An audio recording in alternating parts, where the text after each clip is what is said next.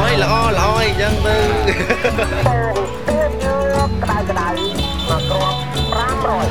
Het is ochtend in het avondland. Een podcast van Chris Janssens. Aflevering 14 over een hoofdstad en bijzaken. Ik ben hier toegekomen in de winter van 2015, op 7 januari van dat jaar. Dat die datum symbolisch is voor dit land, het officiële einde van het Rode Khmer-regime in 1979, wist ik op dat moment niet. Ik wist eigenlijk niets over Cambodja. Ik volgde mijn ex. Tenminste, nu is hij mijn ex. Toen dacht ik nog dat wij samen een mooie toekomst tegemoet gingen als reporters zonder grenzen in het buitenland. Cambodja had ons na dat eerste bezoek allebei zo begeesterd dat we ruim een jaar later, in 2016, opnieuw stonden. Vaste jobs opgezegd, appartement in Brussel verhuurd, ons leven in een rugzak gepropt en klaar voor het avontuur. Om boeiende reportages te maken voor de meerwaardezoeker. Samen.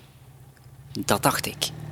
Maar toen zat de klad al in onze relatie en intussen ziet hij meer waarde in een Cambodjaan van 20 jaar jonger, die nu in mijn plaats in dat Brusselse appartement woont. Maar ik heb dit project niet willen loslaten, ook al sta ik er nu alleen voor.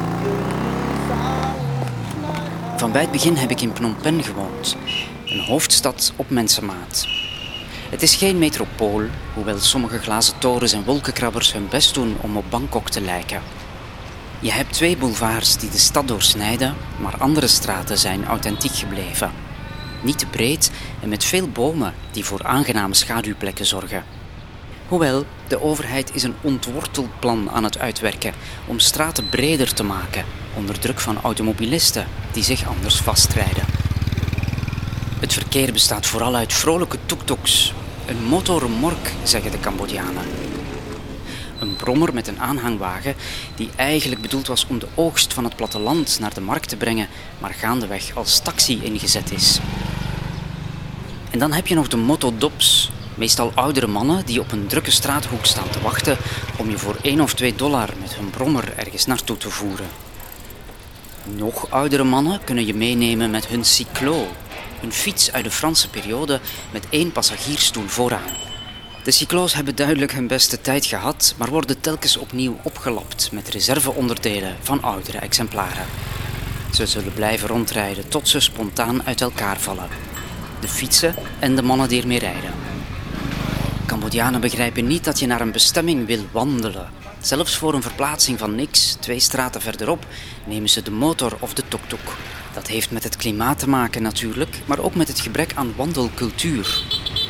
Phnom heeft wel trottoirs, maar je struikelt er voortdurend over mobiele winkeltjes en geparkeerde brommers.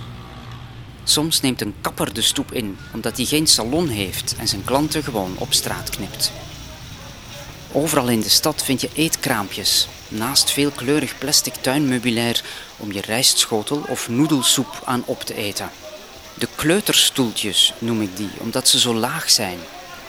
Europeanen met hun lange gestaltes zitten er meestal erg ongemakkelijk op en moeten hun knieën hoog optrekken. Geen idee waarom de Cambodianen per se zo dicht bij de grond willen zitten om te eten. Misschien omdat ze dan, geheel volgens de streetfoodcultuur, gebruikte servietjes en plastic afval makkelijker op de grond kunnen gooien. Je moet weten dat een maaltijd pas geslaagd is als er na afloop een half stort onder de tafel achterblijft. Hongerige katten gaan tussen dat afval op zoek naar alles wat nog eetbaar is. En dan heb je nog verkopers die rondrijden met hun groentewok of hun soepketel. Om te vermijden dat ze de hele dag moeten roepen wat ze precies verkopen, gebruiken ze een opgenomen boodschap die voortdurend door een luidspreker wordt herhaald. Het is de soundtrack van Phnom Penh en het zorgt soms voor een kakofonie als twee verkopers elkaar ontmoeten.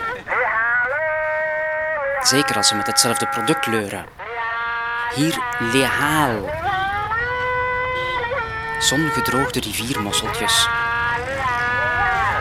Phnom Penh heeft een zogenaamd dambordpatroon.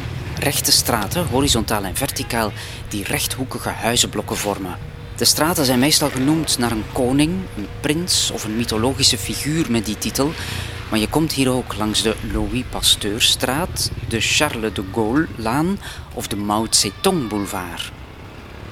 Behalve een naam hebben de straten ook een nummer.